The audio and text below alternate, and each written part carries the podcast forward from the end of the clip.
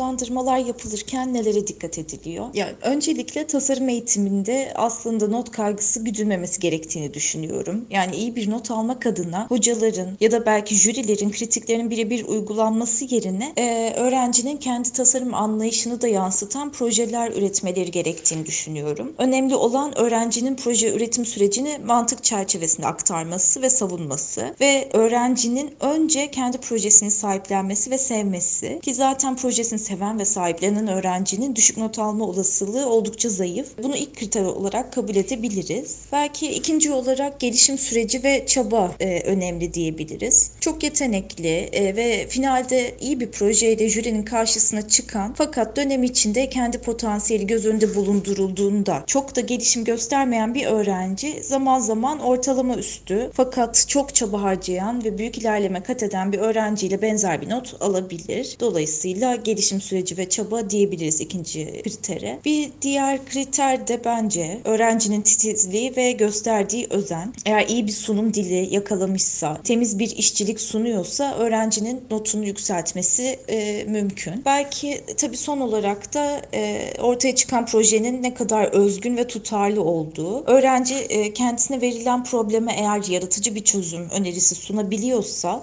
ve tabii ki bunu yine mantık çerçevesinde e- ele alabiliyorsa e, aşağı yukarıda uygulanabilir bir projeye dönüştürebiliyorsa problemi öğrencinin yüksek not alma olasılığı çok çok yüksektir.